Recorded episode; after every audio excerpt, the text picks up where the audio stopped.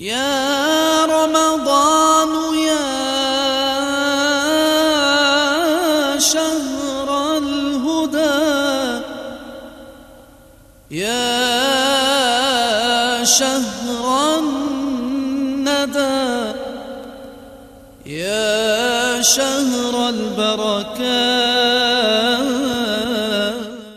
الحمد لله رب العالمين له النعمة وله الفضل. وله الثناء الحسن صلوات الله وسلامه على سيدنا محمد وعلى آله وصحبه الطيبين الطاهرين.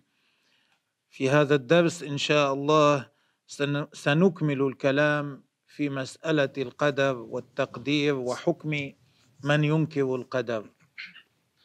قال المؤلف رحمه الله تقدير الله لا يتغير. اعلم أن تقدير الله تعالى الأزلي لا يغيره شيء. ما قدر الله تعالى في الأزل أن يكون يكون. تقدير الله الأزلي لا يتغير. لا دعوة داع ولا صدقة متصدق ولا صلاة مصل ولا غير ذلك من الحسنات. الدعاء والصدقة والصلاة والحسنة كل ذلك لا يغير تقدير الله. نحن بالدعاء نستفيد. هذه الأمور أحيانا تكون سببا لحصول الأمر لكن لا يتغير تقدير الله. الله قدر في الأزل أن يدعو فلان فيكون دعاؤه سببا لحصول ما دعا به. كما أنه قدر في الأزل أن يأكل فلان فيكون أكله سببا لشبعه لحصول الشبع له. فهذه الأمور كلها تحصل بتقدير الله وتقدير الله لا يتغير. سبحانه. بل لا بد أن يكون الخلق على ما قدر لهم في الأزل من غير أن يتغير ذلك. لا بد أن يكون الخلق المخلوقات على الحال التي قدرها الله تعالى لهم في الأزل وهذا لا يتغير. وأما قول الله تعالى يمحو الله ما يشاء ويثبت وعنده أم الكتاب. فليس معناه أن المحو والإثبات في تقدير الله. بعض الناس لا يفهم هذه الآية على وجهها. إذا قرأ يمحو الله ما يشاء ويثبت وعنده أم الكتاب يظن أن تقدير الله يتغير. وليس هذا معناها. ليس معنى ذلك ليس معنى الآية يمحو الله ما يشاء أي يغير الله ما شاءه ويثبت. يشاء امرا لم يكن شاءه في الأزل. ليس هذا معناه. مم. بل المعنى في هذا أن الله جل ثناؤه قد كتب ما يصيب العبد من عباده من البلاء من البلاء والحرمان والموت وغير ذلك. وأنه إن دعا الله تعالى أو أطاعه في صلة الرحم وغيرها لم يصبه ذلك البلاء. ورزقه كثيرا أو عمره طويلا. وكتب في أم الكتاب ما هو كائن من الأمرين. فاذا بعضهم قال معنى هذه الآية يمحو الله ما يشاء ويثبت وعنده أم الكتاب. قال الله كتب في أم الكتاب ما يحصل من العبد. هذا لا يتغير. والله تعالى جعل في كتب الملائكة ما تكتبه الملائكة أن فلانا إن دعا الله لا يصيبه كذا وإن لم يدعو يصيبه. والله عالم هل سيدعو أو لا. فإذا دعا الله لا يصيبه الأمر الفلاني. فيمحى من كتب الملائكة الأمر الثاني أنه إن لم يدعو يصيبه كذا. ليمحى ذلك. هذا معنى الآية يمحو الله ما يشاء ويثبت وعنده أم الكتاب. يعني يغير الله ما يشاء مما نسخه الملائكة في كتبهم. وأما ما يكون فإن الله تعالى عالم به بعلمه الأزلي قدره بتقديره الأزلي وهو لا يتغير. هكذا يروى عن ابن عباس وغيره في تفسير هذه الآية. فالمحو, فالمحو والإثبات راجع إلى أحد الكتابين كما أشار إليه ابن عباس. نعم. فقد روى, فقد روى البيهقي عن ابن عباس في قول الله عز وجل يمحو الله ما يشاء ويثبت وعنده أم الكتاب. قال يمحو الله ما يشاء من أحد الكتابين. هما كتابان يمحو الله ما يشاء من أحدهما ويثبت وعنده أم الكتاب. وعنده أم الكتاب. هذا يدل على ما علمه الله في الأزل. هكذا يروى عن ابن عباس في تفسير هذه الآية. والمحو, والمحو يكون في غير الشقاوة والسعادة. لأن الشقاوة معناها الحال التي يموت عليها الإنسان على الكفر والسعادة حال موت الإنسان على الإيمان فهذا لا يغير.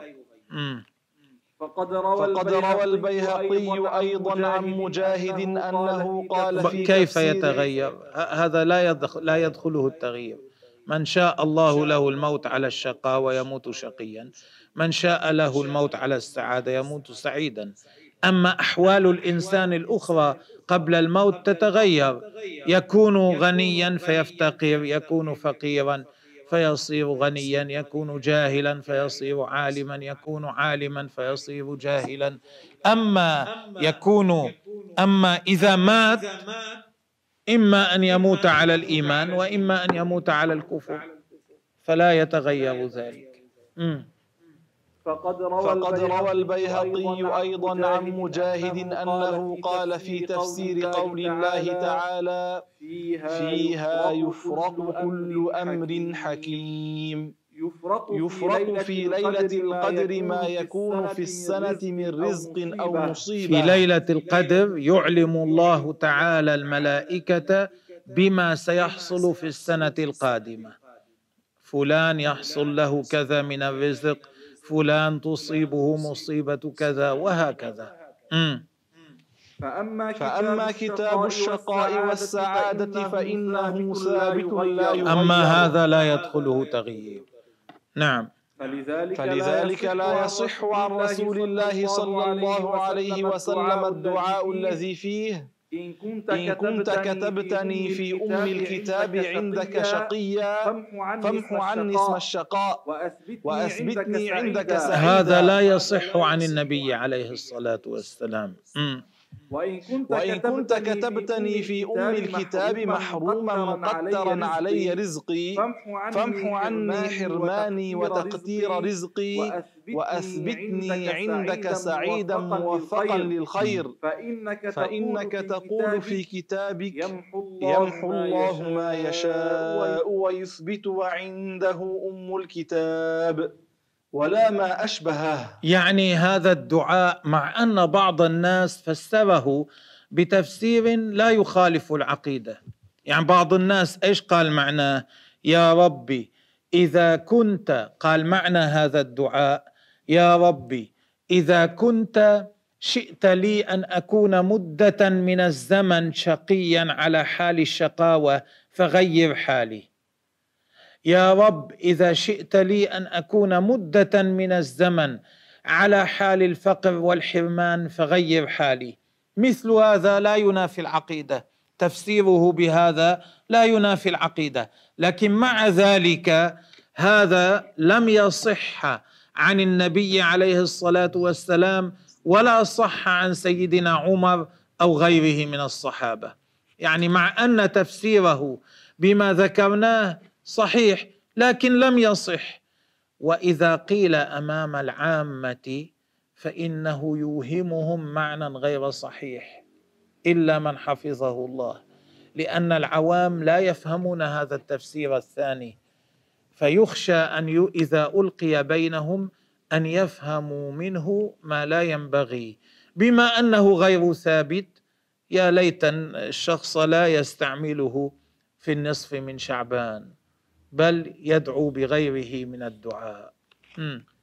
ولم يصح هذا الدعاء أيضا عن عمر ولا عن مجاهد ولا غيرهما من السلف كما يعلم ذلك من كتاب القدر للبيهقي. كما يعلم من كتاب القدر لأن البيهقي قال في كتاب القدر فإن صح لو كان صحيحا لكان كذا وكذا. اذا هو لم يصحح لم يصحح لم يحكم البيهقي بصحته.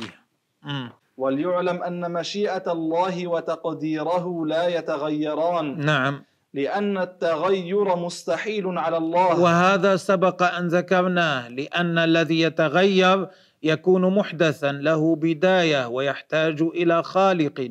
تعالى الله عن ذلك. م. وأما حديث لا يرد القدر شيء إلا الدعاء فهذا راجع إلى القدر المعلق ليس إلى القدر المبرم.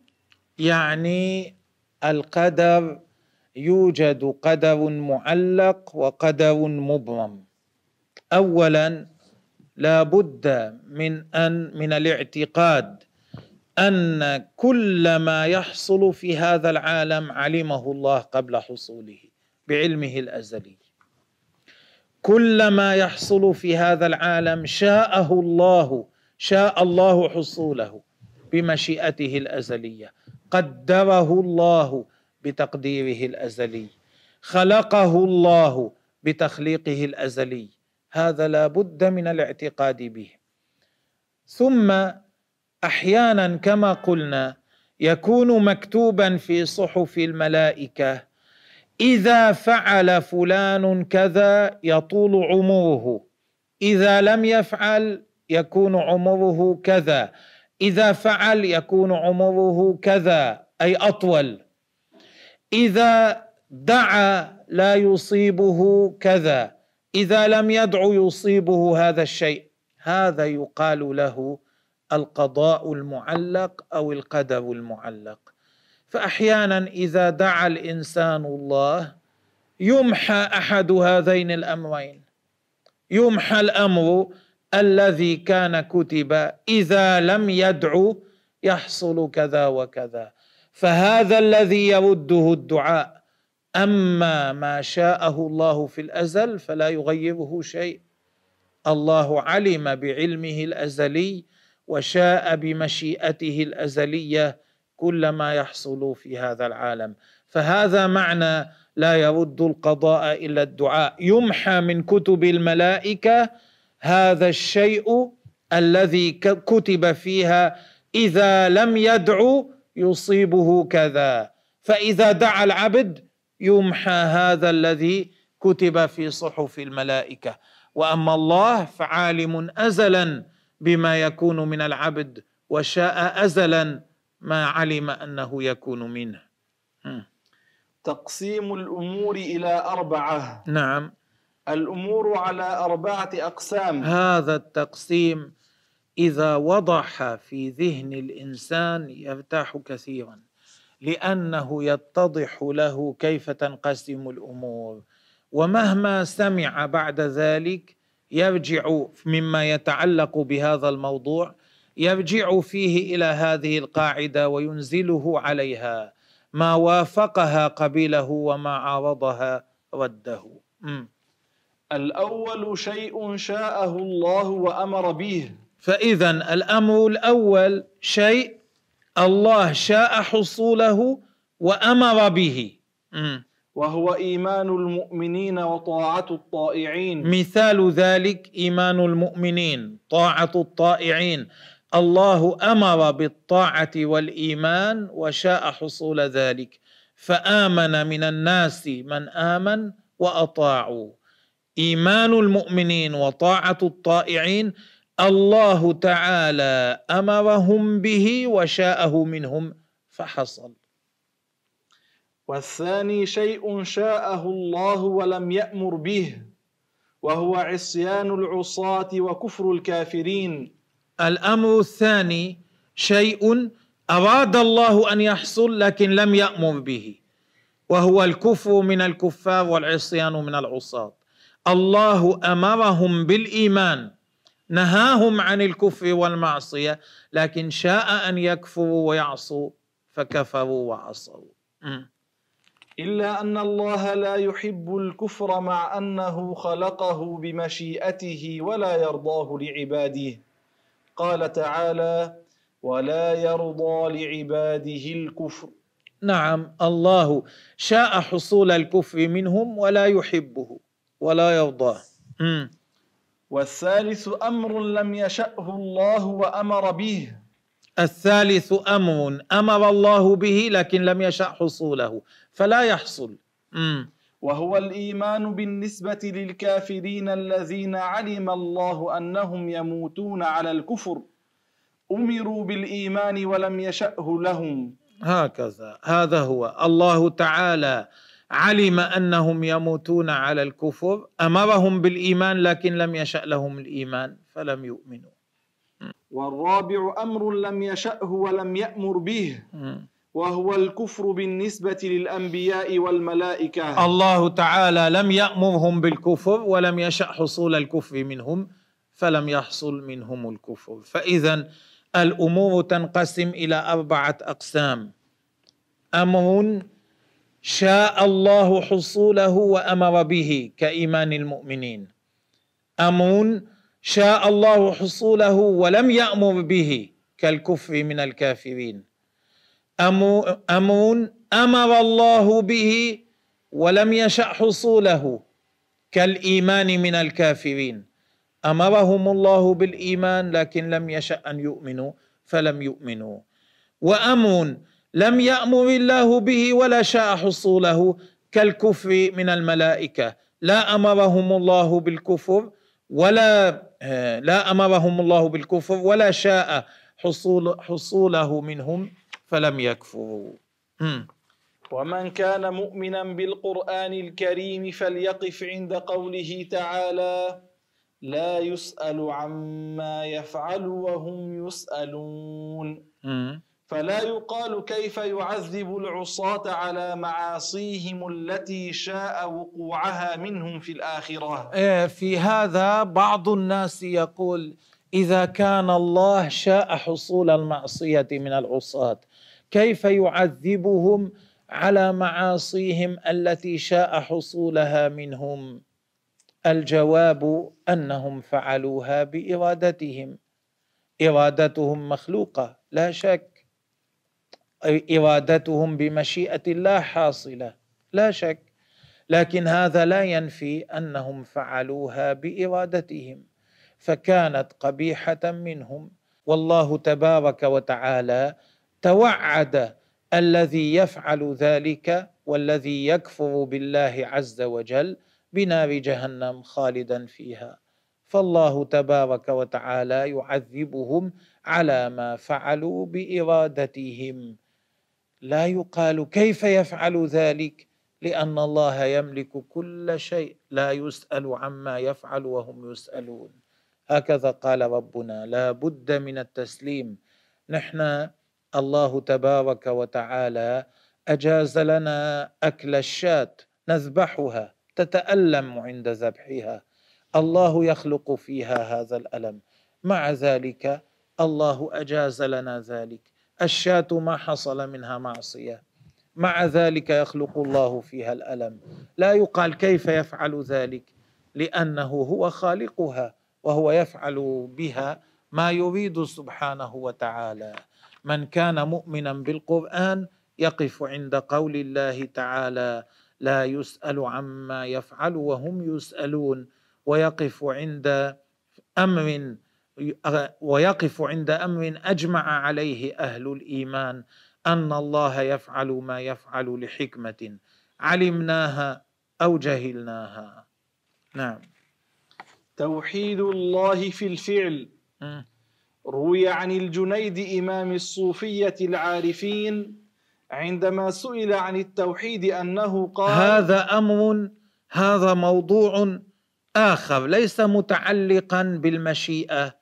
لكن يعني هذا موضوع آخر ليس عن المشيئة لكنه متعلق بها وهو عن تخليق الله تبارك وتعالى لكل شيء أن كل شيء في هذا العالم يوجد بخلق الله. هذا معنى توحيد الله في الفعل أي أن الله لا شريك له في الخلق والإبراز من العدم إلى الوجود.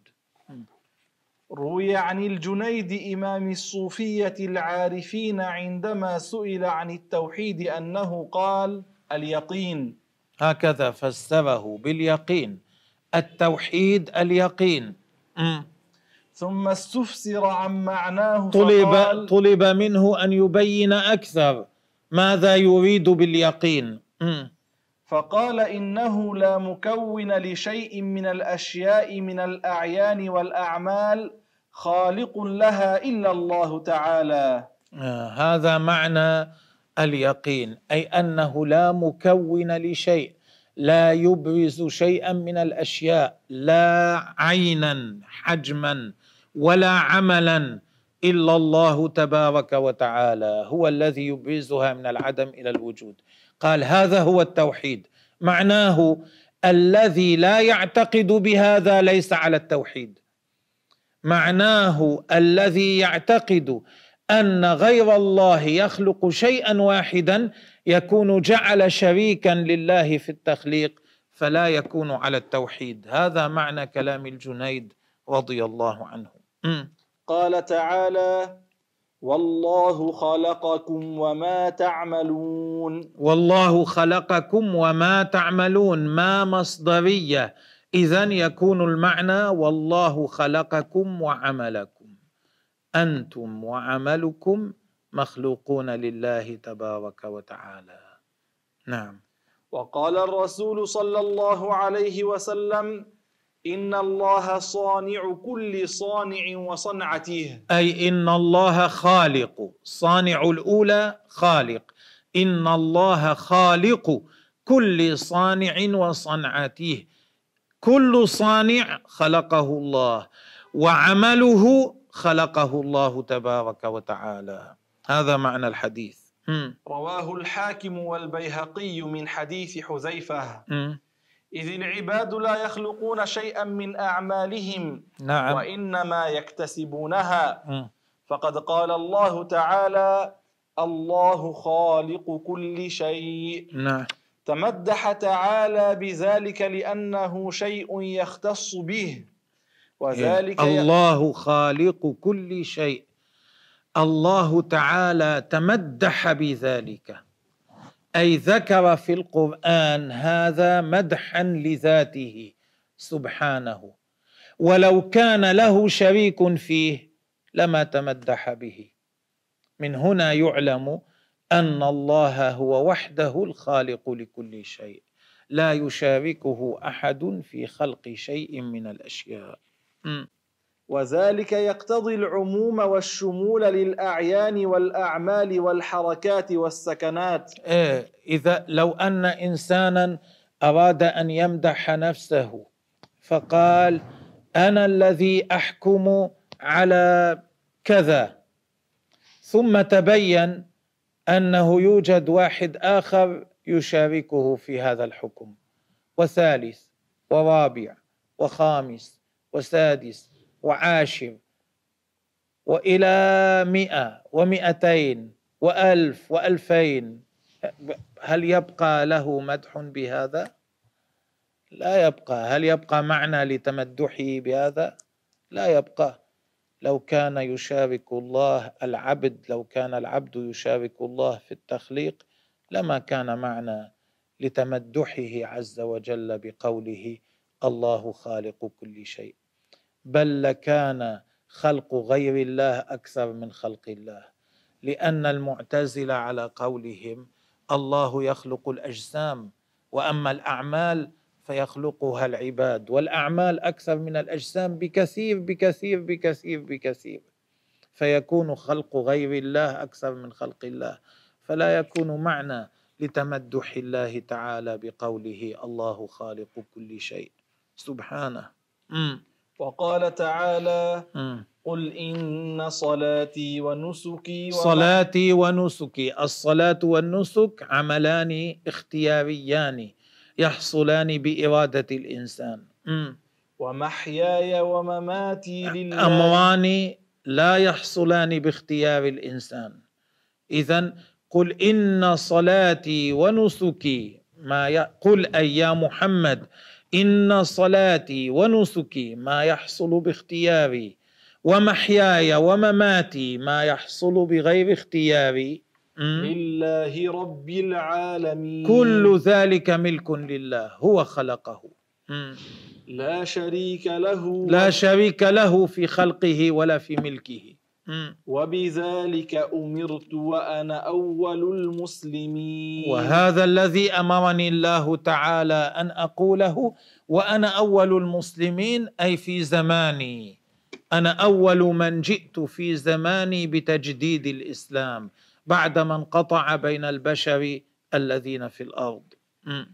ساق الله الصلاة والنسك والمحيا والممات في مساق واحد. نعم. وجعلها ملكا له. نعم. فكما أن الله خالق الحياة والموت كذلك الله خالق للأعمال الاختيارية كالصلاة والنسك نعم. والحركات الاضطرارية من باب الأولى. وإذا كان الله هو خالق الحركات الاختيارية فبالأولى أن الحركات الاضطرارية التي لا اختيار للإنسان فيها تكون أن تكون مخلوقة لله. م. وإنما تمتاز الأعمال الاختيارية أي التي لنا فيها ميل بكونها مكتسبة لنا. بأنها تقوم بنا مع مشيئتنا مع الميل في قلوبنا لفعلها. هذا يتميز به الاختياري من غير الاختياري وكلاهما بتخليق الله تعالى.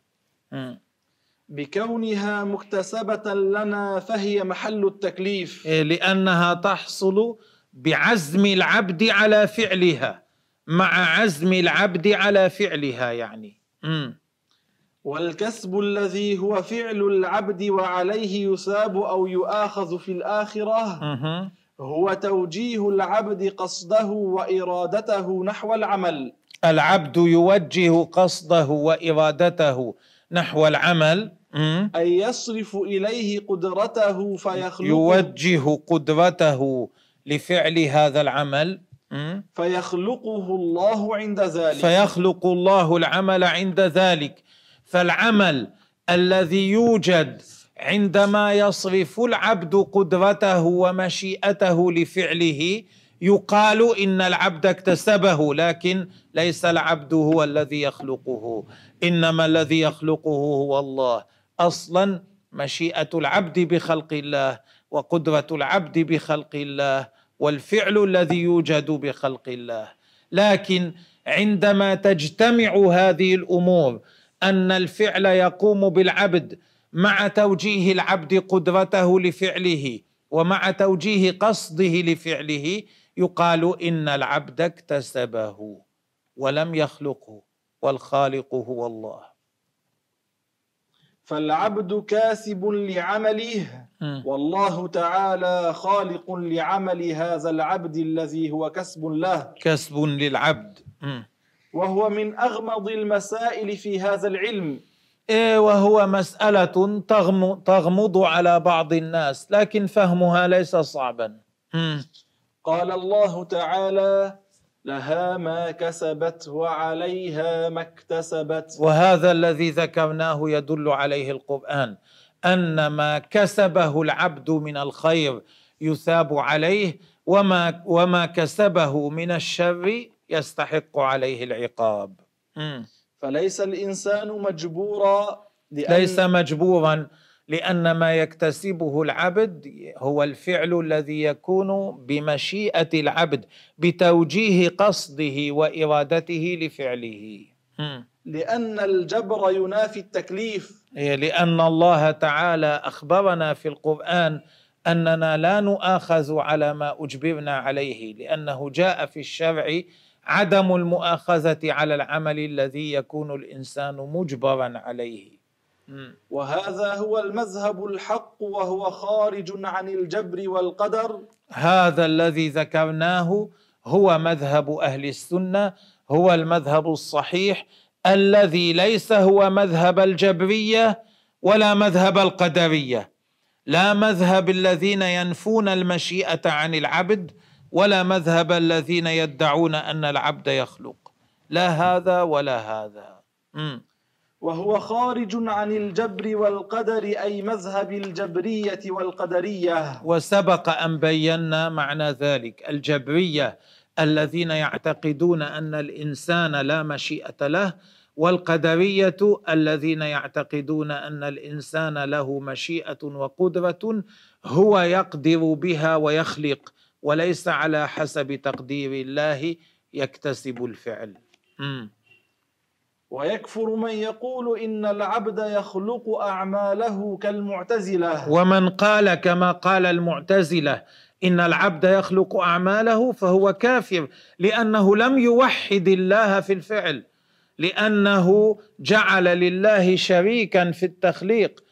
أم جعلوا لله شركاء خلقوا كخلقه فتشابه الخلق عليهم؟ قل الله خالق كل شيء. وهو الواحد القهار. هذا ما جاء به كتاب الله. فمن اعتقد بخلافه فهو كافر. كما قال ابن عباس رضي الله عنه كلام القدرية كفر. لما سمع ابن عباس بعضا أن بعض الناس يزعم أن الإنسان هو يخلق فعله قال هذا الكلام كفر. والقدرية هم المعتزلة. المعتزلة هم فرقة من القدرية. قال أبو يوسف المعتزلة زنادقة. أيضا أبو يوسف الإمام المجتهد تلميذ الإمام أبي حنيفة. المجتهد تلميذ المجتهد. قال المعتزلة زنادقة يعني كفار. ووصفهم أبو منصور التميمي في كتابه الفرق بين الفرق بأنهم مشركون. أيضا أبو منصور التميمي قال هم مشركون. وأبو وأبو منصور هو الذي قال فيه ابن حجر الهيتمي هذه العبارة. وقال الإمام الكبير إمام أصحابنا أبو منصور البغدادي. وهو ممن كتب عنهم البيهقي في الحديث. أبو منصور البغدادي إمام كبير كان يتقن كان أستاذا في ثمانية عشر فنا يدرسها كلها. هذا أبو منصور التميمي هو الذي ذكر هذه المسألة. كان رأسا في الأشاعرة رأسا في الشافعية رحمه الله تعالى. وكذلك وصفهم بالضلال والكفر من قبله من كبار الأئمة. الإمام الأشعري وصف كلامهم بأنه شرك والإمام الماتريدي أيضا وصف كلامهم بأنه كفر تكفيرهم إجماع بين السلف ولا تغتر بعدم تكفير بعض المتأخرين لهم أه.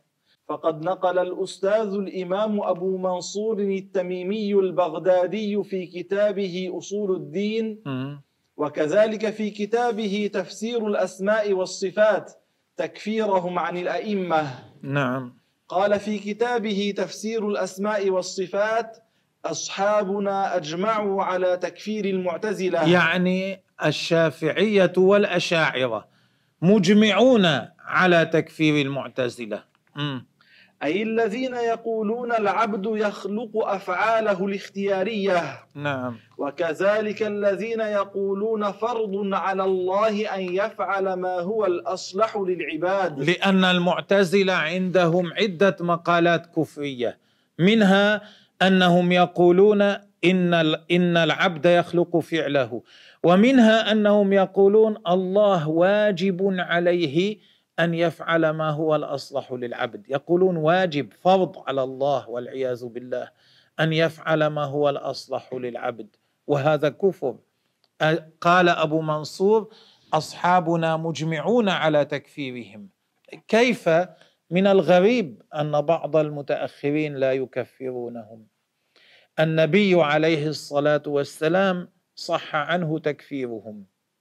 وصح تكفيرهم عن أبي بكر وصح تكفيرهم عن عمر وصح تكفيرهم عن علي وصح تكفيرهم عن غيرهم من الصحابة وصح تكفيرهم عن عدد من التابعين وصح تكفيرهم عن أتباع التابعين ولم يعترض على ذلك أو يخالفه أحد.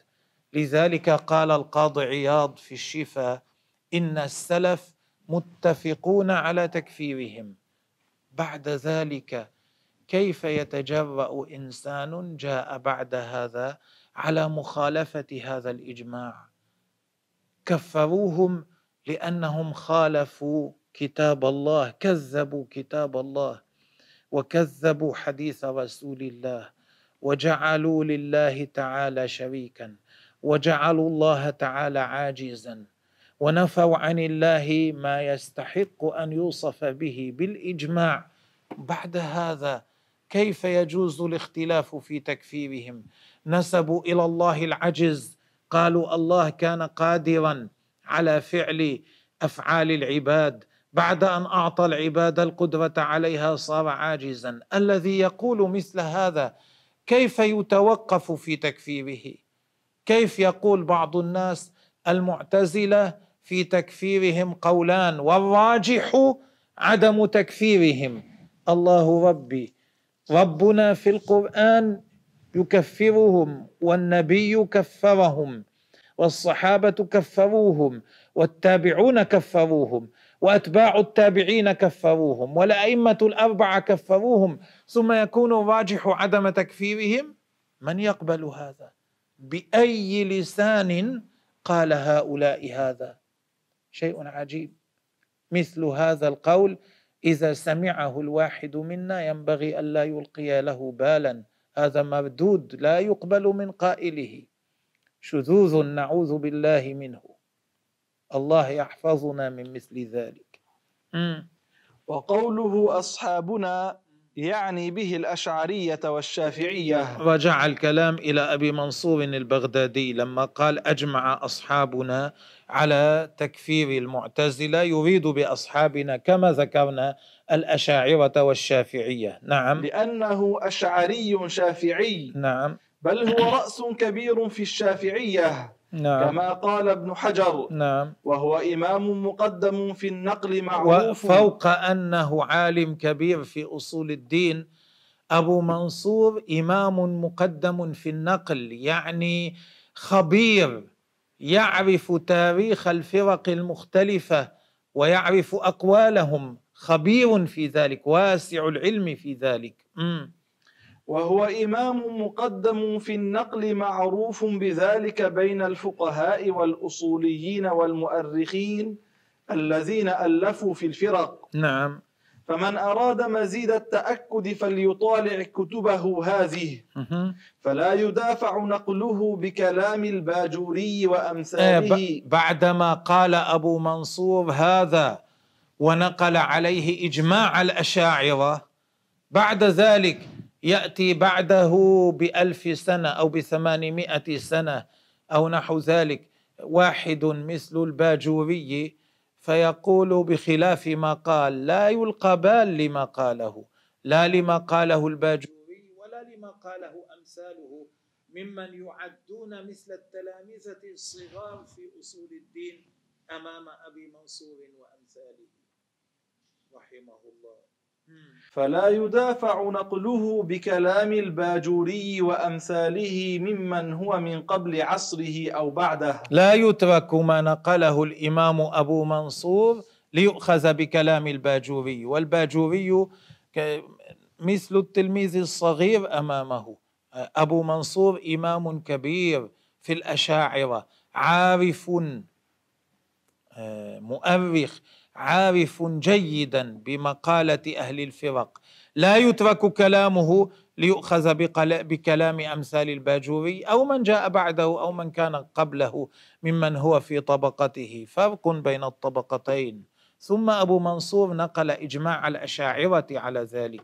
كيف يترك الإجماع لقول من جاء بعده؟ لا يترك. وأما كلام بعض المتقدمين من ترك تكفيرهم فمحمول على مثل بشر المريسي والمأمون العباسي. يعني طيب لكن بعض الكلام عن الأئمة المتقدمين يفهم منه أنهم لم يكفروهم. إذا قال قائل هكذا مثلا أحمد بعض الأئمة كان يقول عن المأمون العباسي أمير أمير المؤمنين. وكان بعضهم يقول عن المعتصم مثلا أو الواثق أمير المؤمنين. كيف هذا؟ معناه لا يكفرونهم. لو كانوا يكفرونهم ما ذكروا ذلك. الجواب أن هناك اناسا نسبوا إلى المعتزلة لكنهم لم يعتقدوا كل عقائدهم. أخذوا منهم بعض العقائد التي ليست كفرية وأما العقائد الكفرية فلم يأخذوها منهم فنسبوا إليهم وهؤلاء الذين لم يكفروا. فاذا عندما لم يكفروا قسما منهم هذا بالنسبة للقسم الذين لم يعتقدوا كل عقائدهم إنما اعتقدوا بعض العقائد التي هي غير مكفرة. أما الذين اعتقدوا العقائد المكفرة فلم يختلفوا في تكفيرهم بها. م. فمحمول على مثل بشر المريسي والمأمون العباسي. م. فإن بشرا كان موافقهم في القول بخلق القرآن. كان بشر يقول إن القرآن مخلوق. لكنه لا يريد بذلك نفي صفة الكلام عن الله. إنما يذهب فكره إلى الألفاظ المنزلة لكنه يطلق هذا اللفظ. أئمة أهل السنة منعوا من إطلاق هذا اللفظ حتى لا يوهم أن الكلام الذي هو صفة الله مخلوق. أما هو كان يطلقه كان يقول القرآن مخلوق ويريد بهذا اللفظ المنزل. ولا يريد نفي صفة الكلام عن الله. وكذلك المأمون العباسي. لذلك ما كفروهما. وكفرهم في القول بخلق الأفعال. أما مسألة خلق الأفعال فلم يوافقهم فيها. ما كان يقول كما يقولون. والمأمون العباسي أيضا ما كان يقول كما يقولون. حتى إن بعض رؤوس المعتزلة كان يقول عن المأمون العباسي عمي لأنه لا يوافقهم في هذه المسألة. لا يوافقهم إن العبد في أن العبد يخلق فعله. كان يحتقره يقول عمي لأنه لا يوافقهم فيها. فلا يحكم على جميع من انتسب إلى الاعتزال بحكم واحد. ويحكم على كل فرد منهم بكونه ضالا. آه، كل من انتسب إلى الاعتزال ضال لأنه خرج عن عقيدة أهل السنة لكن لا يحكم على الكل بأنهم كفار لأن منهم من لم يصل إلى حد الكفر. بهذا نكتفي لهذا الدرس ونسأل الله تعالى أن يحفظنا ويحسن ختامنا. والله تبارك وتعالى أعلم وأحكم.